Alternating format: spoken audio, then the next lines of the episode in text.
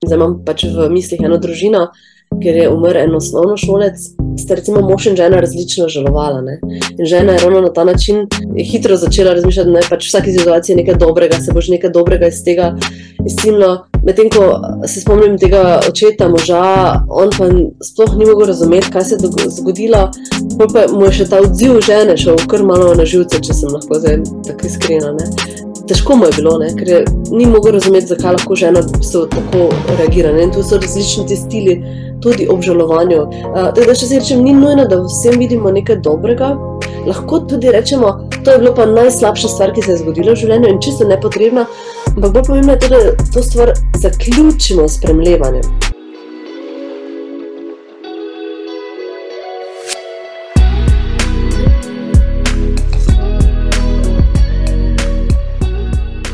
Hvala. Poslušaj odkrito podcast, s tabo pa sem gostiteljica Vesna Ambrož, magistrica psihologije, predavateljica in psihološka svetovalka. V tej epizodi je z nami docentka dr. Vita Poštovan, ki je moja nekdanja profesorica iz Filozofske fakultete Univerze v Mariboru je psihologinja, ki jedro svojega raziskovalnega in kliničnega dela posveča preučevanju in preprečevanju samomorilnosti in pa promociji duševnega zdravja z raznimi preventivnimi in drugimi programi v Sloveniji. Je predavateljica na področju psihologije, torej na Mariborski, pa tudi na Primorski univerzi, in predstavnica Slovenije pri Mednarodni zvezi za preprečevanje samomora. Njene izkušnje edukacije in dela lokacijsko segajo v Avstrijo, Indijo, Kitajsko in Japonsko, področno pa torej v terapevtsko, raziskovalno in klinično delo, razbremenilno delo z ljudmi v kriznih situacijah, tudi prostovoljno svetovalno delo in podobno. V tej epizodi pa sva z Vito govorili o tem, z kakšnimi občutki in mislimi se srečuje samomorilen posameznik, kdaj je razmišljanje o smrti pravzaprav popolnoma normalno in neogrožujoče in kdaj postane nevarno, na katere znake naj bomo kot svojci tudi pozorni pri našem bližnjem, če imamo občutek ali pa če že vemo, da je samomorilno ogrožen. Kako začeti in čisto praktično speljati pogovor z bližnjim o njegovih stiskah in samomorilnih namenih, kako si lahko tudi sami pomagamo, če se srečujemo z samomorilnostjo, in tako naprej. Preden pa te spustim v uh, ta pogovor z Vito, pa bi te kot vedno rada povabila k naročanju na ta podcast na bilo kateri platformi, kjer ga trenutno poslušaš. V eno res tako veliko pomoč so mi mnenja o epizodah in pa ocene podcasta, ker mi potem pomagajo ustvarjati te vsebine še naprej. Iz srca pa ti bom hvaležna tudi, če se odločiš screenshotati in pa podeliti poslušanje bilo katere epizode odkrito podcasta na Instagramu. Pri tem pa prosim ne pozabi označiti za afno odkrito podcast, da te lahko sploh najdem in pa podelim tudi na svojem profilu. Zdaj pa gremo v epizodo.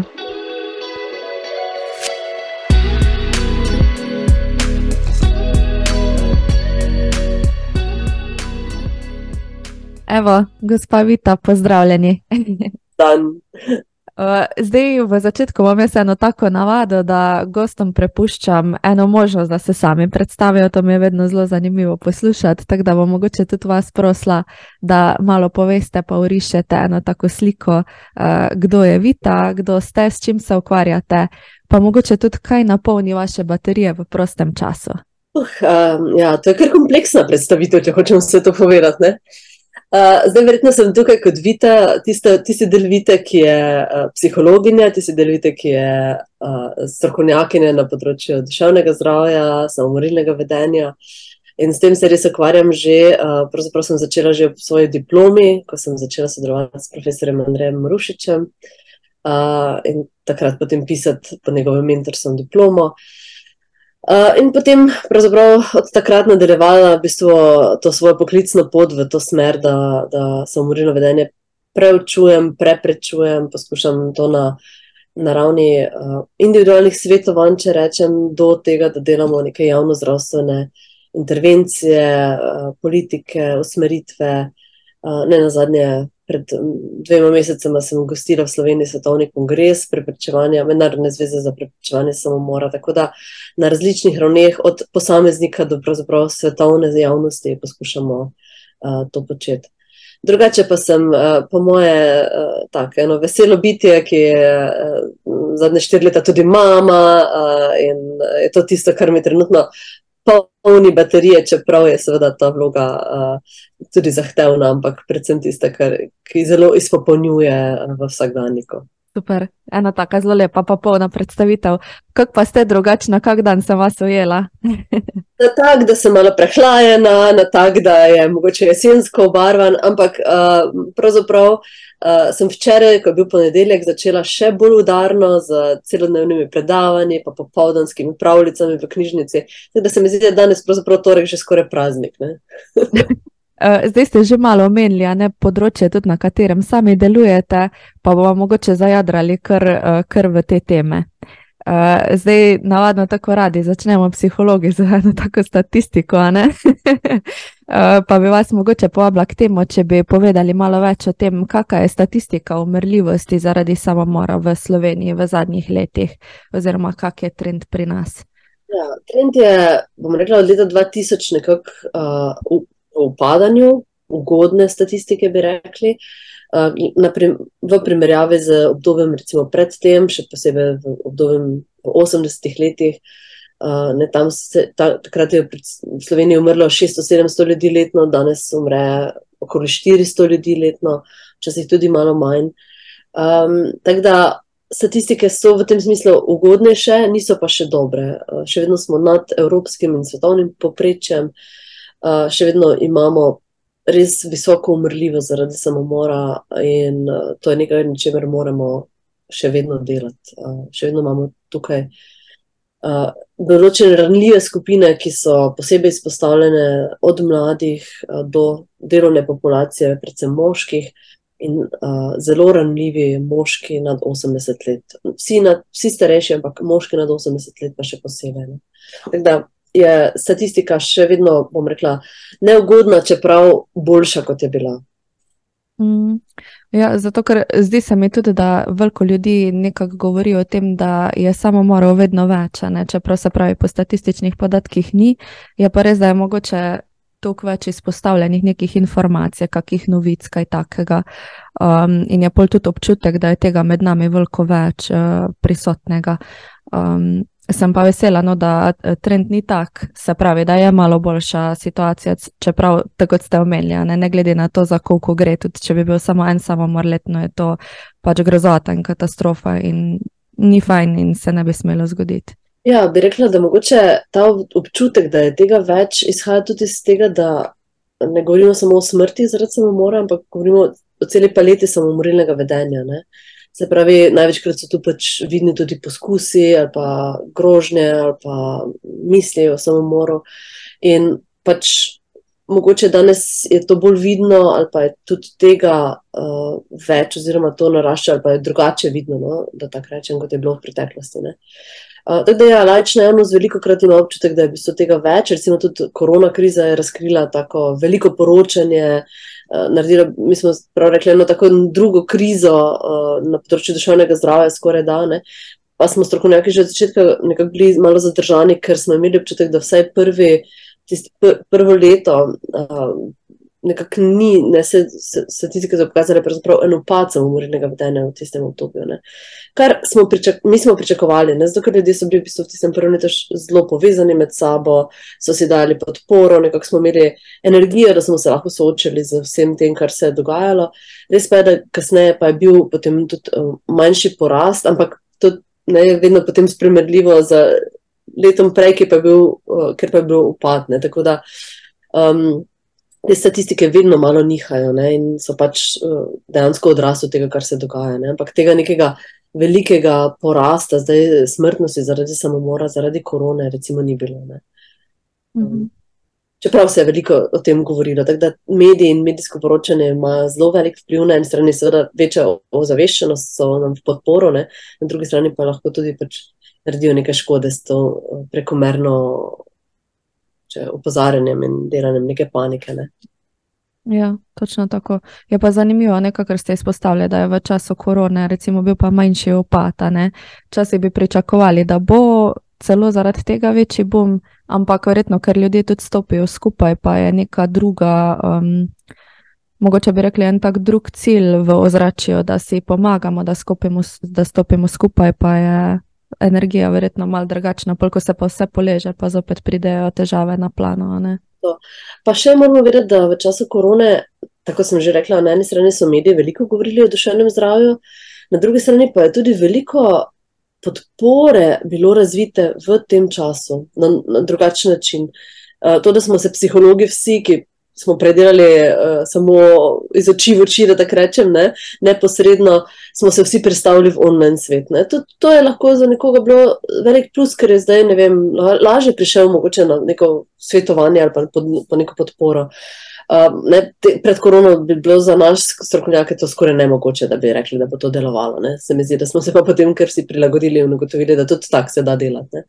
Uh, recimo, Društvo psihologov je skupaj z različnimi organizacijami uh, organiziralo m, telefon v stiski, ker ste dobili res strokovnjake, uh, psihologe, psihoterapeute, pravzaprav z enim klicem.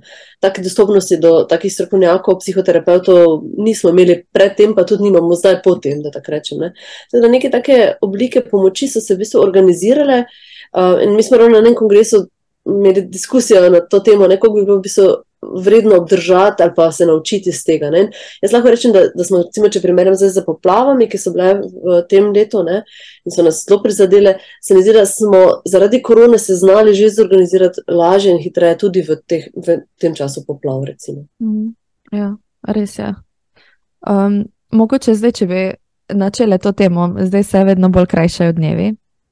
Um, in pač prihaja eno tako obdobje, ko je že po naravi malo bolj uh, samoreflektivna, da rečem, da se bolj nekako um, zavijamo vase, obrnemo vase. Um, in verjamem, da je tudi to obdobje lahko za marsikoga naporno. Um, navadno se, uh, je tudi tako mnenje med ljudmi, da bi naj bilo več samomorov tudi v tem obdobju, je pa drugače, navadno več samomorov prav pomladi um, en izmed vaših uh, podcastov, ne sem tudi poslušala, ko ste o tem v bistvu govorili, ne, kakšna je razlika v uh, letnih časih in pa v teh trendih samomorov. A bi mogoče malo o tem več povedali, zaka, zakaj je pri, v bistvu prihaja do tega, da je največ samomorov ravno pomladi? Ja, to je ta en mit, ne, da zdaj jeseni, pa, pa med prazniki, da se število samomorov poveča.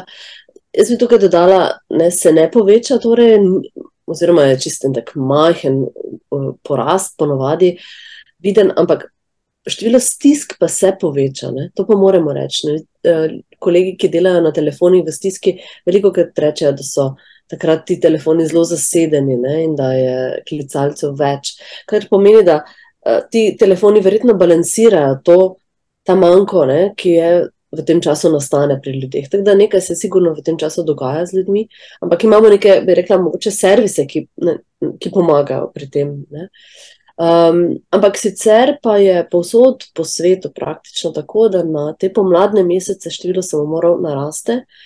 Um, in neke enotne, raz, kako bi rekla, razlage tega še znanost nima. Ne? Nekako pojasnjujemo to um, na dva načina. En je ta, da pač. Uh, tako ste prej rekli, imamo zdaj ta čas zime, ki je malo samo reflektiven, ker se nekje vsi umirjamo.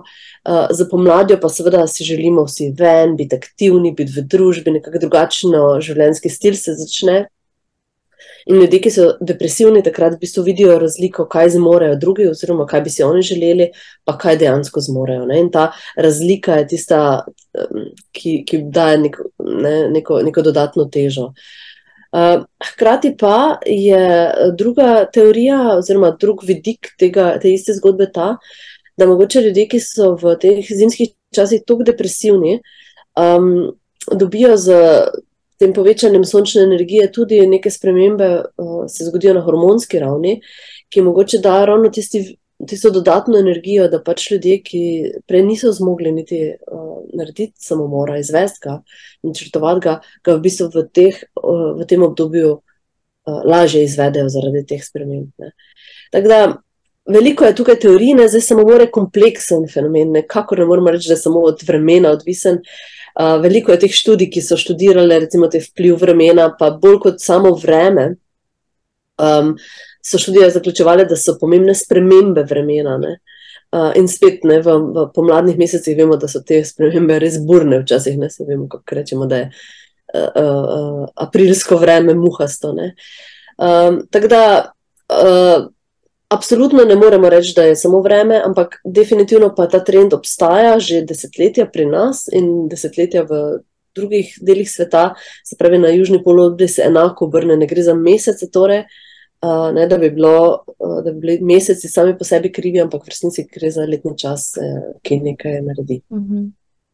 Ja, se pravi, tako ste omenili tudi uh, spomladi, da se vse skupaj prebuja. Že drugače je recimo, zanimivo opažati, koliko več neke energije imajo ljudje, pa neki novi projekti se začnejo, pa neka nova energija se nasplošno spostavi med uh, ljudmi. Tako da je že, recimo, tudi če nimaš nekih takih stisk, lahko vidiš, kako se ljudje odpirajo in da je čisto drugačna um, energija. Ja. Uh, zdaj, za tiste, ljudi, ki, za tiste ljudi, ki pa so že drugače v stiski, je pa verjetno opažanje tega še. V bistvu, ja, nekako eh, opažaš to veliko razliko med mano in med drugimi, oziroma en tak razkorak, ki ga pa tudi ne znaš nekako z njim upravljati. Ja. Mogoče bi se zdaj dotaknili, vmes eh, ste omenili, ne, da um, ko govorimo o samomorilnosti, lahko govorimo o samomorilnih mislih, vedenjih, že načrtovanju eh, izved, izvedbe samega samomora. Mogoče da tukaj malo pojasnimo, kakšne oblike samomorilnosti mi sploh poznamo. Ja, samomor navadno ni nepričakovano ali pa ni impuls, um, ni zelo nenadno uh, vedenje. Nepričakovano je seveda lahko za okolico, ker veliko krat ne opazi, kaj se dogaja v človeku, uh, in zelo težko je nekatere vidike samomorilnega vedenja opaziti. To, da nekdo razmišlja o samomoru. Um, to, da načrtuje, um, je težko opaziti, če se vedenje osebe v resnici ni spremenilo, kaj preveč. Ne? Mi lahko opazimo torej, vedenske spremembe, mm, ko je človek manj razpoložen, se noče družiti, se zapira vase, manj je, manj spi. Take, take stvari se da opaziti, takrat lahko nekaj okolice naredi. Ne? Ampak vse tisto, kar se pa dogaja, neki impulzi v človeku, pa je zelo težko to prepoznati. In kar se ponovadi začne dogajati v ljudeh, je to, da jih neka situacija pripelje v neko težko, težke okoliščine, v neko stisko. Uh, in dobijo občutek, veliko krat, da so v tej stiski ujeti. Se pravi, da nekako ne najdejo poti iz te stiske, ker vsak od nas je že bil v stiski, pa bo v stiski. Ampak imamo verjetno nek občutek, da aha, ne bomo zmogli, če sem zmogel tisto, bom zmogel to, lahko se mogoče v gramu zmislim, aha, ne, druga oseba tudi že bila v taki situaciji, kaj je naredila, kaj je pomagalo. In nekako najdemo nekaj načinov, kako bomo stiske reševali. Um, ko je, ko ko oseba v bistvu je v tako hudi stiski, da ima občutek, da nikoli ne bo boljše, um, lahko začne verjetno najprej razmišljati o tem, da bi bilo najboljše, da kar ne bi bilo. Um, to, temu pravimo pač pasivne samomorilne misli. Se pravi, oseba nima še načrta, da bi si sama kaj naredila, ampak bi rečejo največkrat ljudje, ne tudi, če se ne bi zbudil, bi bilo čisto v redu. Uh, bom rekla, teh misli imamo vsi, kar kdaj pa kdaj v življenju. Uh, niso tako redke, da tako rečem. Tako da tudi to moramo vedeti, da ko se zgodijo, če se zgodijo, uh, še ne pomeni, da bomo zaradi tega umrli, zaradi samomora, ne? ampak je pa že fino. Da začnemo razmišljati, kako si pa lahko pomagamo. Ne? Tole je že en alarm uh, v nas samih, pa tudi pri drugem, če prepoznamo. Zdaj, če se seveda ta situacija ne razreši, začne lahko oseba bolj aktivno razmišljati, torej govorimo o aktivnih, pasiv, uh, aktivnih samomorilnih mislih, Uh, in potem, seveda, lahko začne um, samomor tudi načrtovati. Uh, in uh, načrtovanje pomeni veliko krat to, da razmišlja, kje, kdaj, kako bo naredil. Uh, in tukaj, seveda, lahko tudi mogoče komunicira to, da, bo, da razmišlja o samomoru. Se pravi, komunicira, da um, razmišlja, da, bo, da bi bilo boljše, če ga več ne bi bilo, da se mu drugim boljše, če ga ne bi bilo. Da, ne, se bo kmalo vsega konec, recimo, ali pa da se bo, včasih ljudje tudi rečejo direktno, da se bodo vzeli življenje. Pa žal, okolica tudi tega včasih ne prepozna kot uh, resnično uh, tveganje, kot resnično grožnjo. Ker pač seveda, dosti krat ljudje marsikaj rečemo, marsikaj se tudi ne mislimo. Veliko je ljudi, ki rečejo, da bodo umrli zaradi samomora, pa tudi tega ne naredijo, hvala Bogu. Ne? Ampak ravno vse to prinese včasih to, do teh situacij, da, um, da pač tudi takega sporočila direktnega ne vzamemo resno. Ne. Jaz se spomnim recimo primerov, um, v šolskem okolju. Ne? Te mogoče so še take, ki nas, tudi nas, strokovnjake, vedno znova nekako se dotaknejo. Uh, ko, ko je mladenič, najstnik, osnovno šolec, v bistvu, um, poslal svojim sošolcem sporočilo na socialnem mediju, da, bo, da ima vsega dovolj in da se bo šel ubiti. In sošolci ga seveda niso vzeli resno, uh, pa ne moramo jim niti zameriti, ne? ker ko sem se jaz pogovarjala z eno drugo skupino uh, osnovno šolcev, so rekli, se, se jaz sem že tudi rekel, da se bom bil, pa jaz tudi, pa jih je, ne vem, pet, deset, tako dvignili roke, da so že tudi to rekli. Ne? Se pravi, Uh, ne moramo tega sošol, teh sošolcev ne, v tistem primeru nekako kriviti, ker se mi zdi, da je to neka vsakodnevna skoraj da komunikacija včasih, nekaj je ne vzamemo resno. In žal pač v tistem primeru recimo se je končalo tragično. Sošolci so ostali z neko tako skoraj kolektivno krivdo, ne, ki jo je bilo kar težko nekako nasloviti. Uh, težko je bilo pravzaprav zdaj reči, uh, ne, se ste mogli vedeti in tako dalje. Vse to so mogoče besede, ki jih imamo, ampak Eh, zelo težko je pravzaprav potolažiti uh, recimo otroke v taki situaciji. Tako je. Mislim, da je to kar en tak mogoče mit celo o samomorilnosti, ne? da ljudje, ki govorijo uh, o samomoru, samo iščejo eno tako pozornost, pa tega verjetno ne bi naredili. Uh, to se mi zdi, da je še kar en tak razmah takega prepričanja, ja? tako da to se je zgleda tudi tukaj zgodilo. Ja, ja.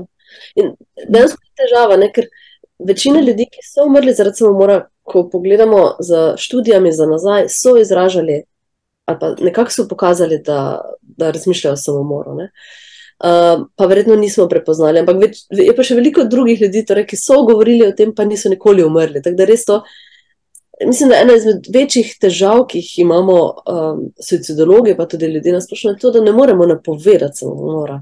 Ne? Mi imamo neke psihološke teste, pa vprašalnike, uh, ampak njihova napovedna vrednost eh, ni ravno zelo, zelo visoka.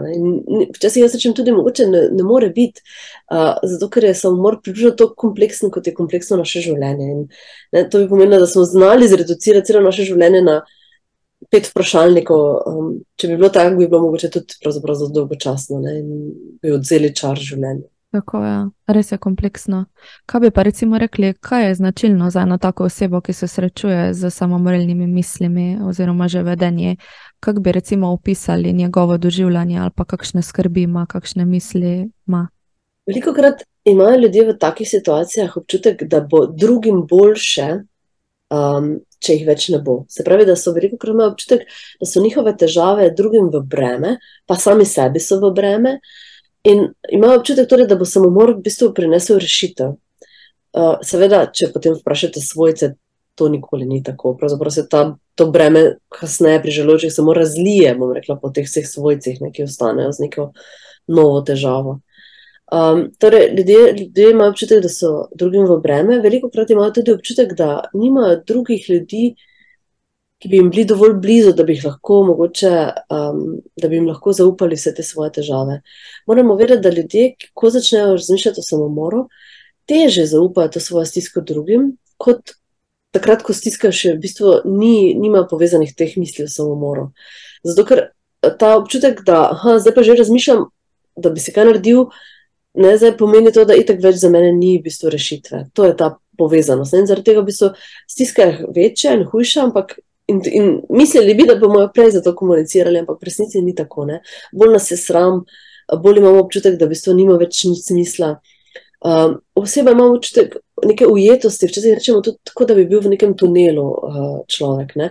Se pravi, ne vidi nekih drugih rešitev za svojo težavo, kot v bistvu samo uh, samomora. Ne? Samomor se zdi v tistem trenutku, kot da je najboljša rešitev.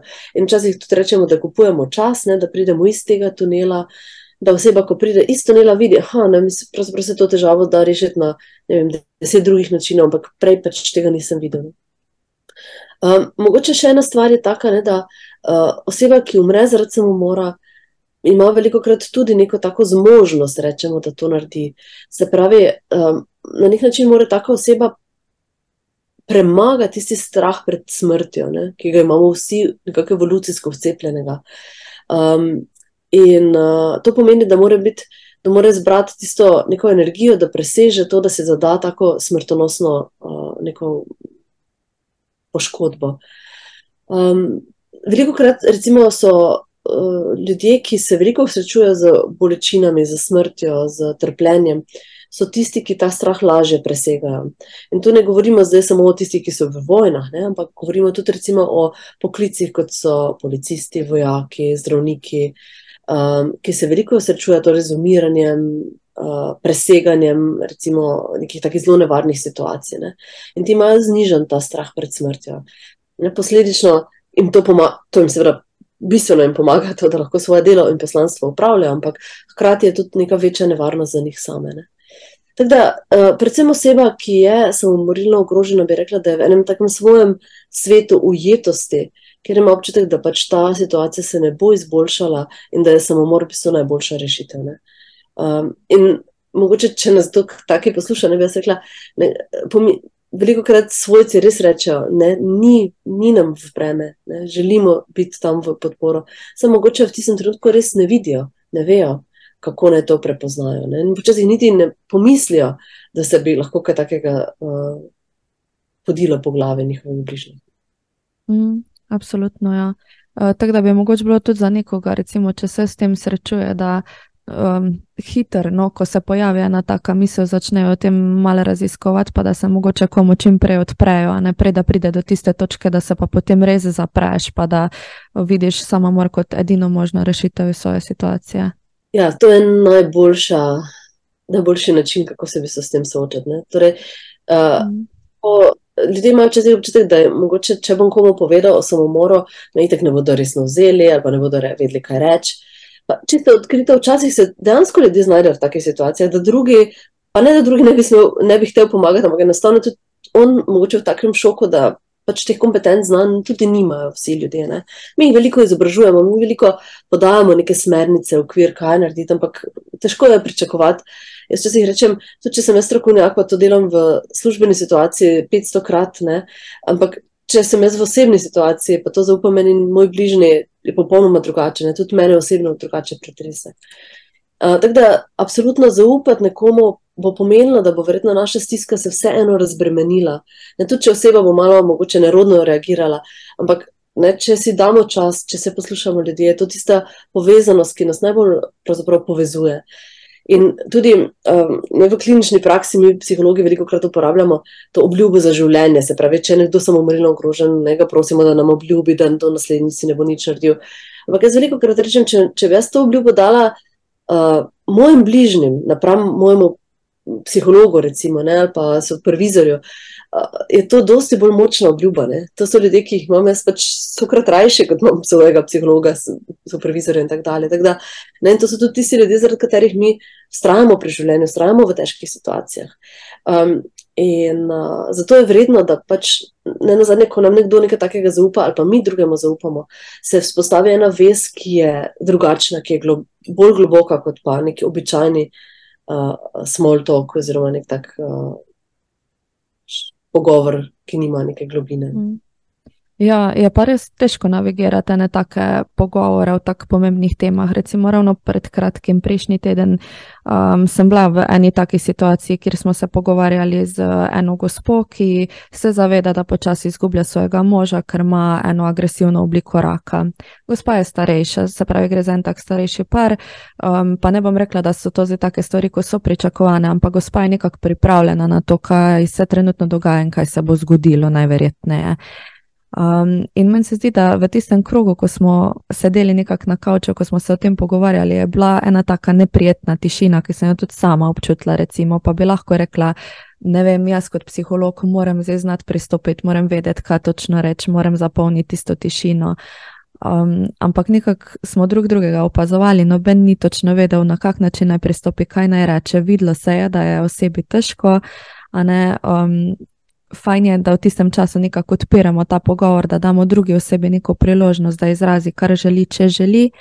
Um, se je pa tudi videlo, nekako se lovijo družinski člani, ko jo imajo to kradi, ko bi to kradi nekaj lepega namenili, povedali, ampak niso vedeli sploh na kak način odpreti pogovor, kako začeti, kaj reči, kaj ne reči. Tako da to je res ena taka ne vem, težka situacija. Zdaj, jaz si predstavljam, da v primeru samomoru je pa še toliko teže, ker je ena taka potencijalna nevarnost, ki jo tisti drug človek na drugi strani izraža in mi ne vemo, kaj s tem narediti in se nam zdi mogoče, da bomo dali eno tako idejo, a ne s tem še dodatno, da si bo nekdo nekaj naredil, če bomo omenili samomor, ali pa ga spraševali o tem, kakšne načrte pa le ima, ali pa kako metodo bi pa le on izbral.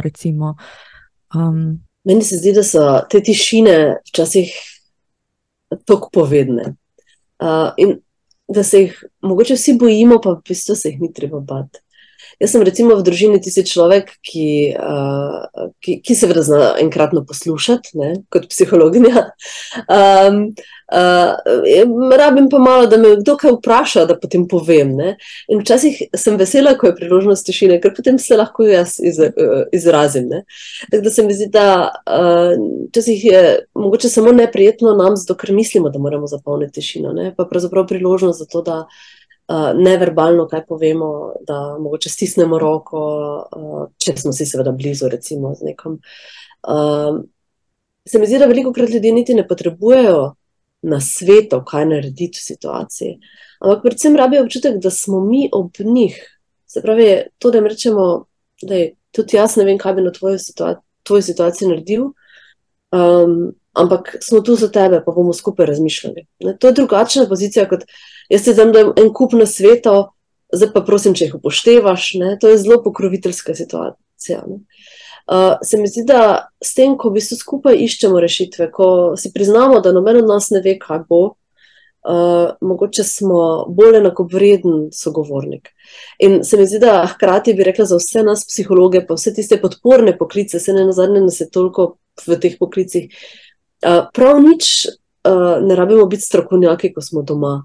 Uh, ker če ne, v bistvu izgubimo tisto srčno plat, tisto povezano z ljudmi, ki je uh, za nas zelo pomembna. In se mi zdi, da je, je že fino, da, no, seveda, to ne pomeni, da pač znanje, ki ga imamo, ga seveda prinašamo tudi v dnevno sobo ne, in tako dalje. Ampak um, se mi zdi, da je tudi v redu, če se nam zatakne beseda, uh, ko smo z družinskimi člani. Ne? Ker to sam pove, da v resnici nisem tam kot strokovnjak, ampak sem tam kot družinski član. Ne? Ja, tako. Uh, to so tudi moje razmišljanja v zadnjem času. Nekako sem se zalotila, da večino časa delujem skozi ena taka psihološka očala, tudi kadar sem z družinskimi člani. Imam kar en tak občutek, da moram vedeti točno, kaj reči. Ja. Um, si pa v zadnjem času nekako dovoljujem to malo bolj človeško noto, da ni nič narobe, če kdaj tudi izrazim. Mogoče neko tako, če občutim jezo, ampak na nek tak, ne konstruktiven način, ampak še vseeno, da dopustim to svojo človeškost, tako kot jo tudi vsi ostali, ne, da ne rabim imeti vedno ta pravega odgovora ali pa ta prave reakcije. Tako da to je res tudi ena taka ja, pomembna, pomembna stvar. Uh, mogoče, ja, zdaj, ko smo to um, temo načeli, ne tak pogovor, kako bi pa to čist praktično izgledalo, recimo, če imamo občutek, da imamo v družini nekoga, ki se srečuje z samomorilnostjo, kako bi vi, recimo, en tak um, način dialoga, kako bi to prikazali, da se zdaj vsedemo na kavč, pa rečemo, zdaj pa te moram jaz nekaj vprašati, da ima se pogovoriti, kako to zgleda. Ja, um, to je tisto one million dollar question, ne, kako bi rekla. zdaj pa dajmo magično palčko, pa bomo zdaj povedali, kako. Um, ja, jaz vedno odgovorim na to vprašanje. Najbolj pomembno je, kakšen odnos imamo z osebo že sicer. Kako, mi, kako smo se mi navajeni pogovarjati. Zdaj, če smo mi vedno obračamo vse na hec, verjetno bomo tudi začetek takega pogovora vse na hecu hteli obrniti, zato ker je to naša, naš način.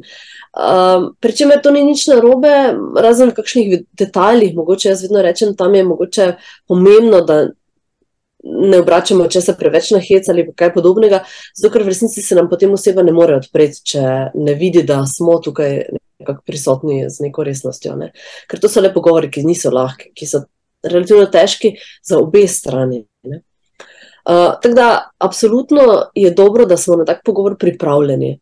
Uh, zdaj, seveda, ta priprava lahko pomeni že to, da posluša nekdo ta podcast, uh, ta priprava lahko pomeni to, da se nekdo uh, res naprej premisli, kaj bo rekel, kaj, kako bo se počutil ob tem, katere besede bo uporabil, kam bo se bo naprej napotil, če bo potreba in tako dalje. Uh, ampak seveda, to so taki idealni scenariji, ne? ko rečemo, da imamo pa oba.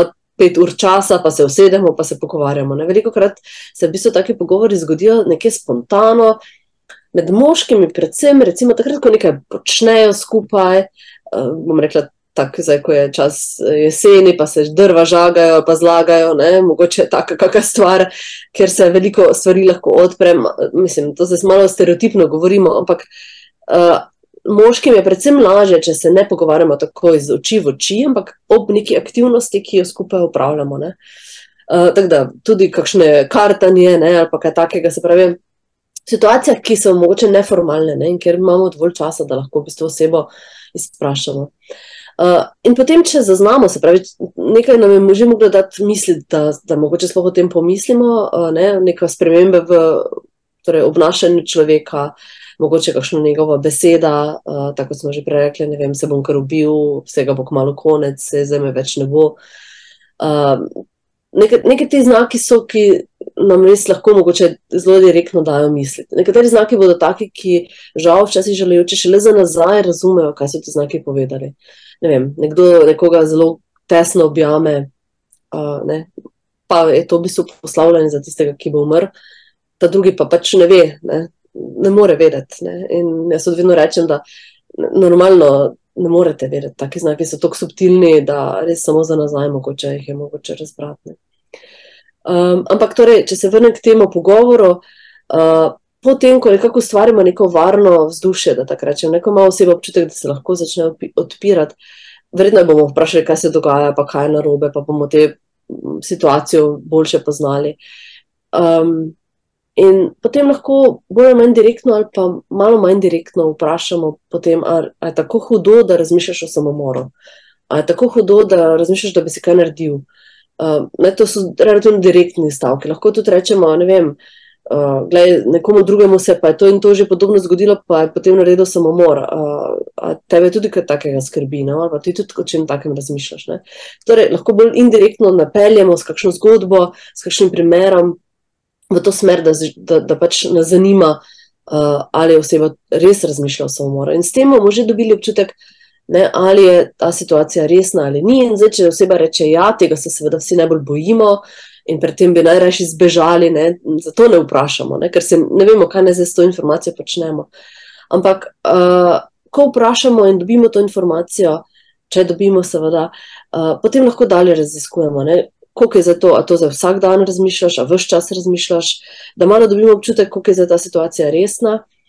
In če je zelo resna, seveda sprašujemo, kaj so za tiste razloge, zakaj bi oseba želela umreti. Um, in potem vprašamo tudi, zakaj pa bi še živel, kaj so tiste razloge za življenje. Nekako predvidevamo, da če oseba se pogovarja, če še je aktivna, ne, ima neko to ambivalenco, na eni strani si želi umreti zaradi tega, ker je v taki situaciji, v taki stiski, ampak hkrati ima še neko željo po življenju. In to je tisto, kar krepimo v takih. In mi že s tem, da smo vprašali, že s tem, da smo vzpostavili stik, že s tem, da smo to našo vest poglobili, že s tem smo v bistvu dali razlog, zakaj živeti. Um, in mogoče moramo osebo tudi po takem pogovoru na to spomniti, uh, spomnimo mogoče malo, kako se počuti, malo preverimo vse te, in, uh, te, te spremembe. Uh, in potem seveda skušamo osebo nekako uh, zavezati, da si do našega recimo, naslednjega srečanja ne bo nič naredila, to, kar sem že pregovorila, neko tako obljubo za življenje. Zdaj, če bi bila situacija zelo resna, seveda gremo takoj po strokovno pomoč, uh, zgradimo en tak krog podpore, mi temu rečemo, se pravi, da se skupaj pogovarjamo, okay, komu pa še povedati, kom, koga še obvestiti. Ne, ne morete, mi strokovnjaki ne ostajamo s tako informacijo sami, kaj šele, da bi družinski člani sami ostali. Sploh recimo je naporno takrat, ko en najstnik zaupa drugemu najstniku v tako situacijo. Ne. Tu vedno rečemo, mi najstnike vedno učimo, povejte drugemu, povejte odraslemu, ne morete ostati sami. Mislim, to so pretežke stvari, ne preveč boste nosili na grbe, da tako rečem, celo življenje. Um, in otroci pravzaprav to zelo dobro že znajo. Svetovalnim službam kar radi pridejo povedati, tako da to se mi zdi, da otroci imajo kar zaveščeno, že, ne, da, da je to preveč, da, da je kar fajn, da pridejo. Mi odrasli pa se mi zdi, da smo še kar malo trmasti. Ne. Še dosti krat imamo občutek, ja, ne smem povedati, samo meni je povedal.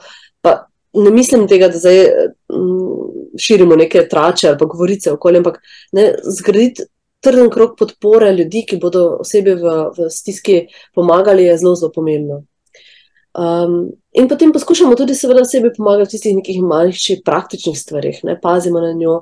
Zdaj govorimo, seveda, o zelo nekih um, kar resnih primerih. Večina ljudi ne bo takšnih, ne, večina ljudi um, ki recimo, je že pomislila, ali pa v zadnjih nekaj mesecih pomislila na samomor, no, teh ni tako malo. Teh je pri najstnikih, recimo, približno 30 odstotkov takih, ki so v zadnjih uh, parih mesecih razmišljali o samomoru. To ponovadi starše kar preseneti. Uh, ampak to ne pomeni, da bodo vsi ti otroci. Zares poskušali ali pa ne, umrli zaradi samomora, ampak očitno so bili v taki stiski, da, da so pomislili, ne, da bi bilo bolje, da jih sploh ne bi bilo.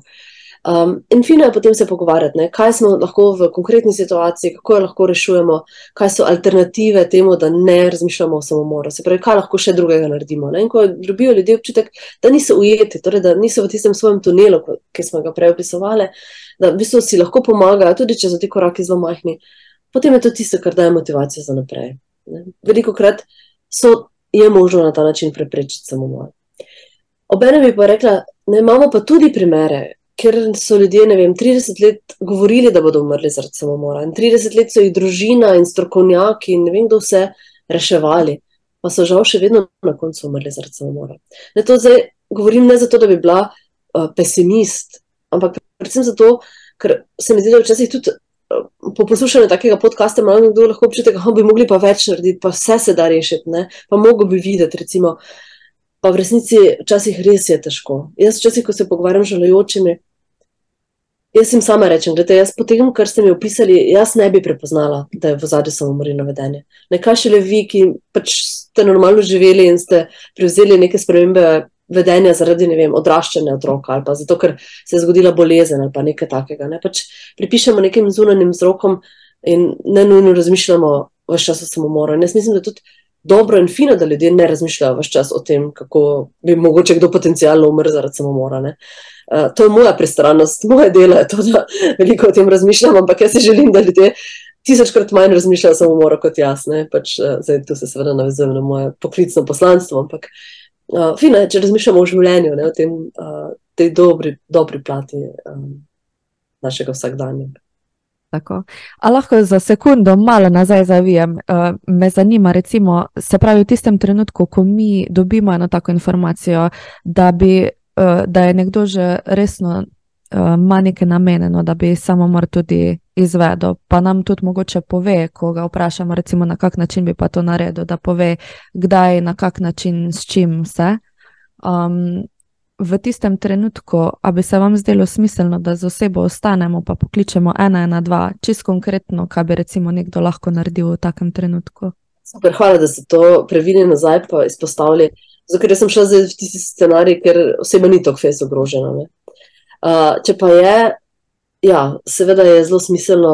Mislim, osebe v taki situaciji, če je zelo akutno ogrožena, ne puščamo same. Ne? Fizična prisotnost je pač pomembna v tistem trenutku.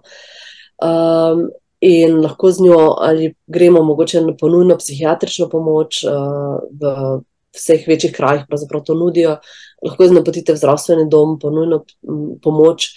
Uh, pokličete 112, uh, ne, kar, je, kar so vse možne rešitve. V Sloveniji obstaja seveda tudi možnost uh, prisilne hospitalizacije, temu rečemo, ne se pravi, da tudi če oseba noče, pa je zelo akutno samomorino ogrožena, jo lahko pač uh, tudi hospitaliziramo proti njeni volji v psihiatrično ustanovo. Uh, je pa res, da je veliko, veliko boljše, če se oseba strinja, da bo šla po pomoč, da res potrebuje. Zato, ker ena taka prisilna hospitalizacija potegne za sabo še toliko neke dodatne stigmatizacije, toliko nekih negativnih občutkov, toliko se je nekaj zgodilo proti naši osebni volji in tudi zdravljenje ima potem nek tak slabši učinek.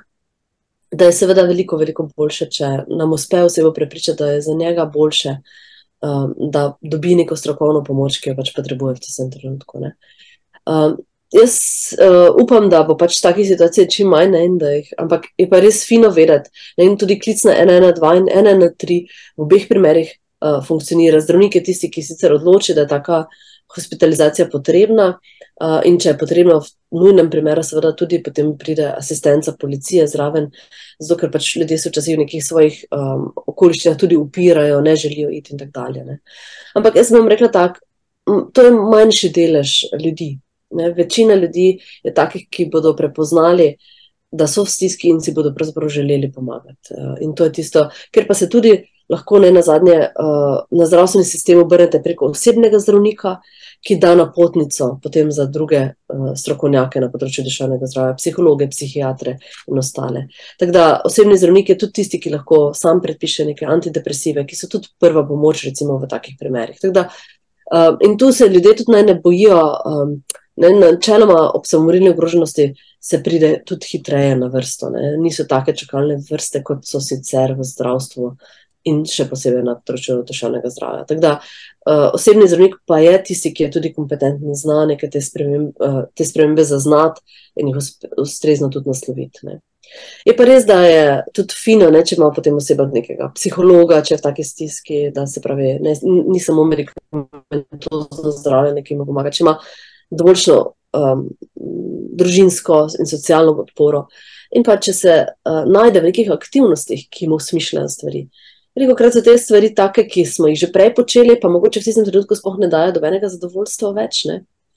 Ampak, uh, če ustrajamo, ponovadi to zadovoljstvo pride nazaj. Tako da je to mogoče taka ena stvar, ki bi jo svetovala. Nekaj, da neče se, se lotimo, kar mogoče smo malo pozabili, zanemarili, ampak kar je za našo dušo pomembno.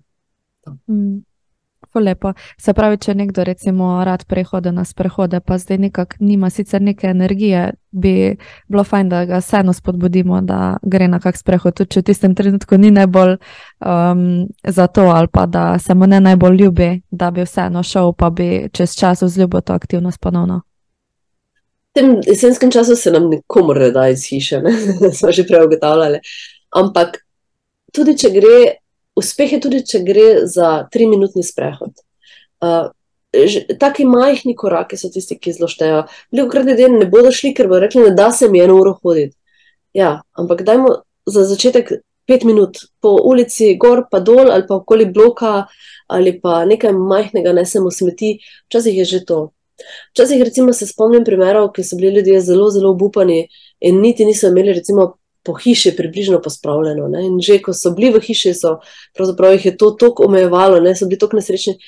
Uh, in se spomnim, da smo eno gospod načrtovali, najprej ena majhna, majhen del te umare, pa majhen del te umare. Ne?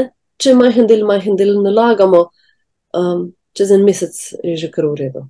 Da, in tudi tu si moramo dovoliti čas pri vsakem takem ukrevanju. Če celi roka, ki smo jo zlomili uh, mesec ali dva, uh, lahko si predstavljamo, da duša celi približno toliko, ali pa včasih še pač malo dlje. Ne? Mesec dni si moramo dati, zato da, da, da lahko neke spremembe pri sebi sploh začnejo nekako imeti učinek. Da, um, s takimi majhnimi vedenskimi spremembami, jaz sem zelo za to, da včasih z vedenjem lahko spodbudimo, da se potem tudi drugače počutimo pa drugače razmišljamo. Ne? Včasih nam bo vedenje tisto, ki nam bo pomagalo, čeprav se nam ne bo dalo, ampak če bomo vedenje spremenili, bomo potem potegnili za sabo tisti začaran krok um, čustvovanja in, in uh, počutja na splošno. Ne?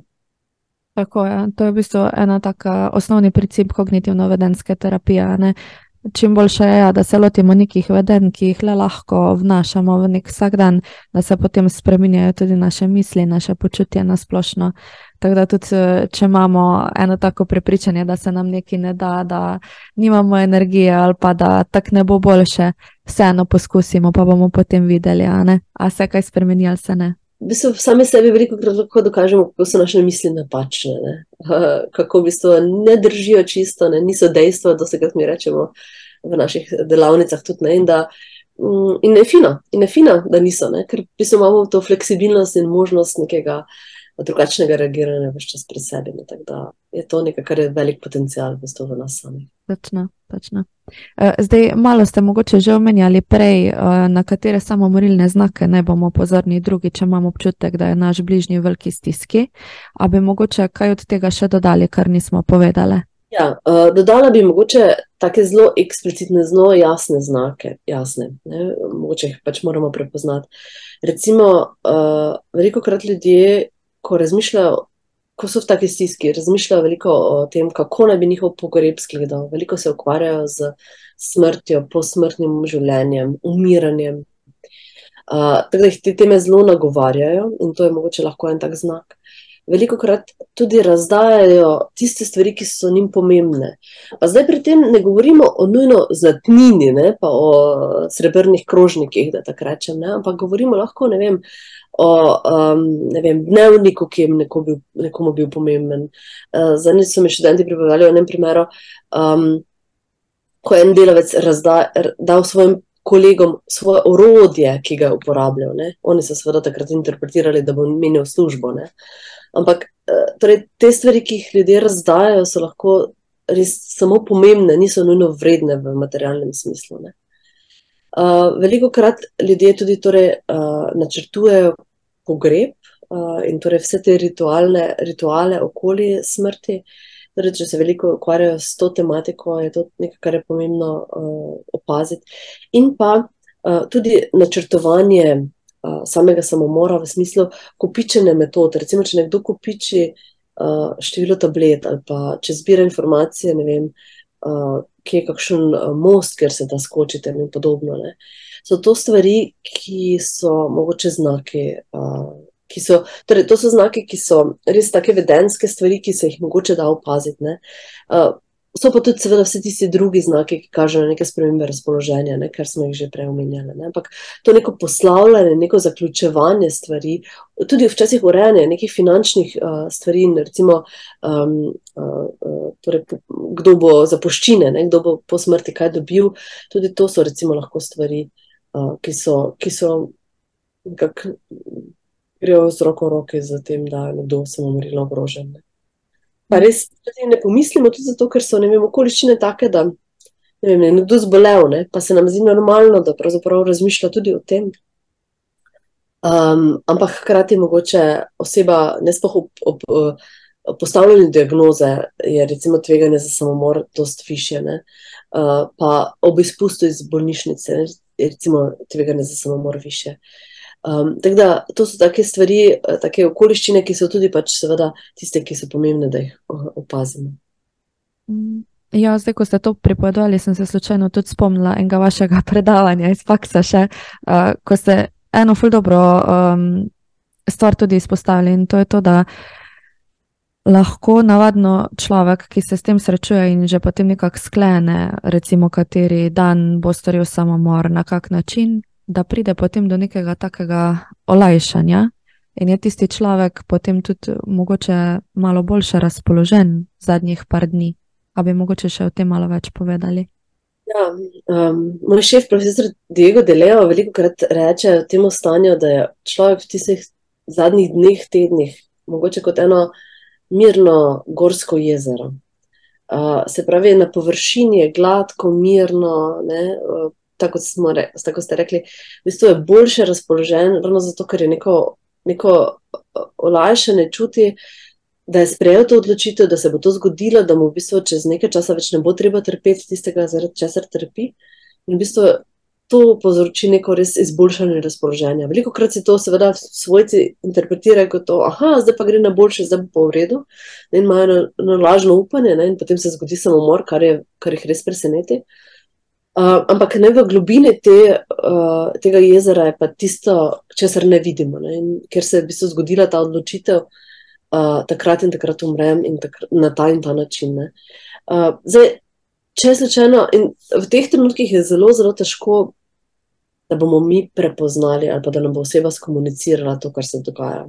Ne? Ker, za, ker pravzaprav na eni strani daje pač nek lažen občutek, da je boljše. Uh, Na drugi strani pa zato, ker je ta odločitev tako trdna, ponovadi, da, da je ne komunicira več. Ne.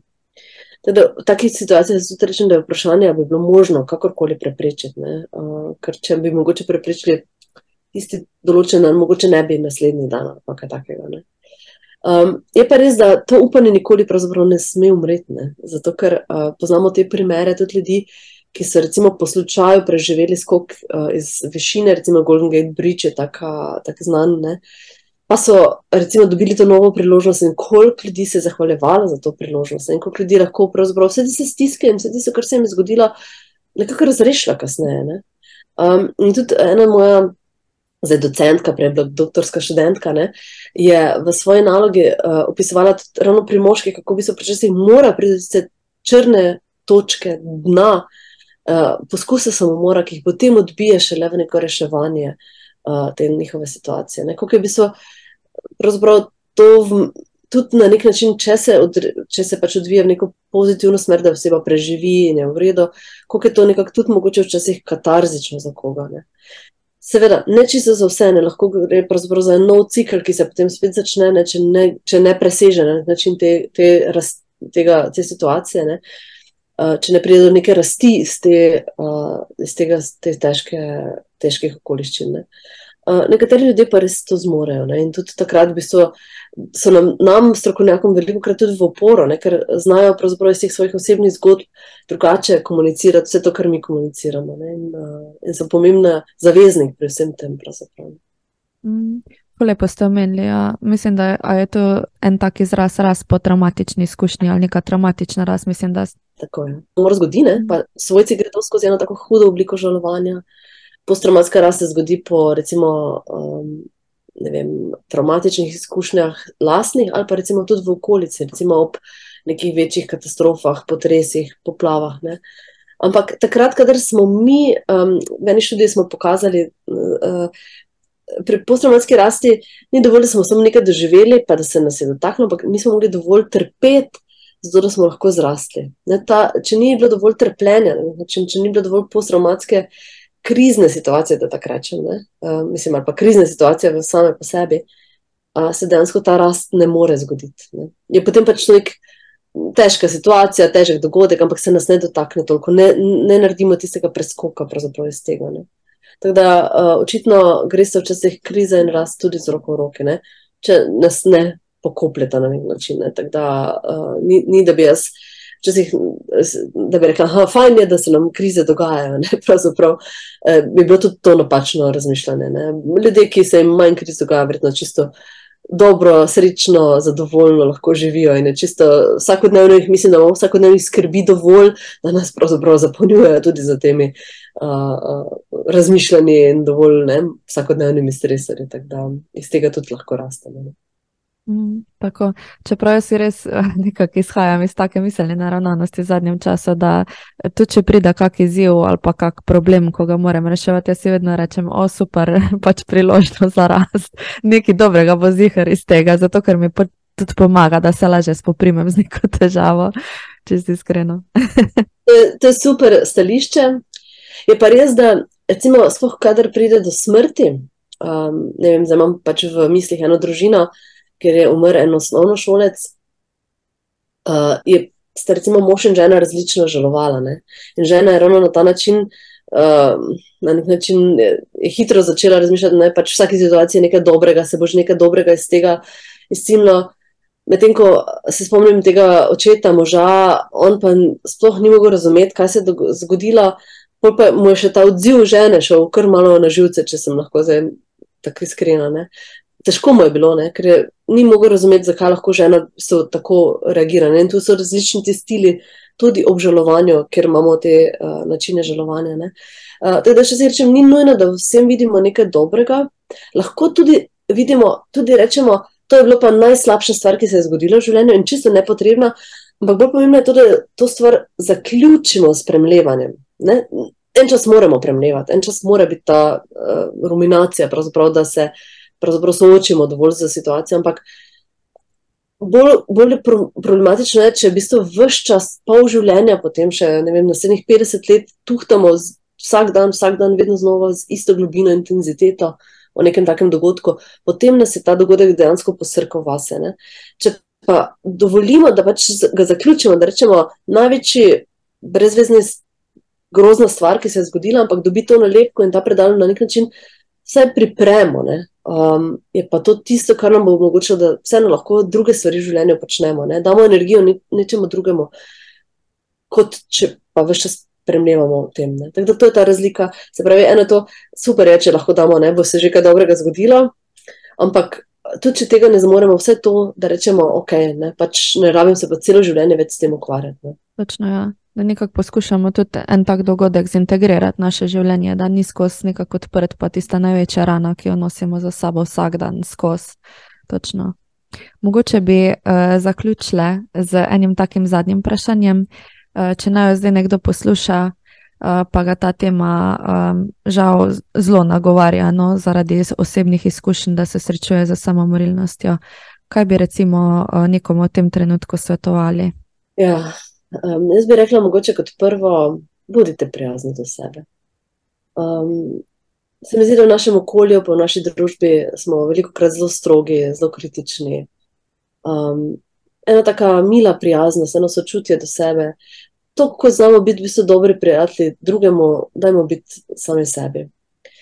Um, in če si predstavljamo, da bi prijatelje v taki situaciji poslali, ne vem, po pomoč, pa to, pa 300, ne bi mu rekli, da ne naredi, poskusimo to narediti za sebe. Pa z majhnimi koraki se da upanje zgraditi. Ne bi želela biti pokroviteljska, ne bi želela reči, da imamo odgovor za vse ljudi, ki nas poslušajo. Ampak se mi zdi, da pa uh, sem imela priložnost videti toliko ljudi, ki so v težkih situacijah znali osmisliti, znali najti nekaj, kar jih je potem kakšne situacije uh, odpeljalo v nekaj boljšega, kvalitetnejšega življenja. Tako da um, upam, da bi mogoče tudi tistemu, ki posluša ta pogovor, dal to moč, um, zato da se zaveda, da ni sam, um, da ni v breme, um, pa da v bistvu lahko se zgodijo tudi lepe stvari po eni taki krizi, v kateri so. Mm, res lepo. Evo, na tej točki bomo pa mi dve zaključile. Uh, Gospod Vita, se vam bi res iz srca rada zahvalila, da ste si vzeli ta čas za ta pogovor. Meni je bil res dragocen, jaz sem se veliko naučila. Verjamem, da kdorkoli je to poslušal, tudi od tega ogromno odnesel. Um, pa še enkrat hvala za vso vaše delo. Uh, nismo nagovorili sploh vseh vaših projektov, ki jih imate, vseh uh, programov, um, preventivnih in tako naprej. Um, ampak resno iz srca hvala za vse, kar počnete. Jaz se bom pa zahvalila za priložnost, da ste me povabili. Uh, znanstvene publikacije, pa projekte, pa vse to se da uh, enostavno prebrati na naši spletni strani, recimo že v živ.si. Um, mogoče tukaj pa sem želela predvsem biti jaz, vita, to, kar ste me na začetku vprašali. Da, mislim, da sem bila in uh, upam, da je to tisto, kar ostaja moče za poslušalce. Tako, odlično, tudi na to smo ciljali.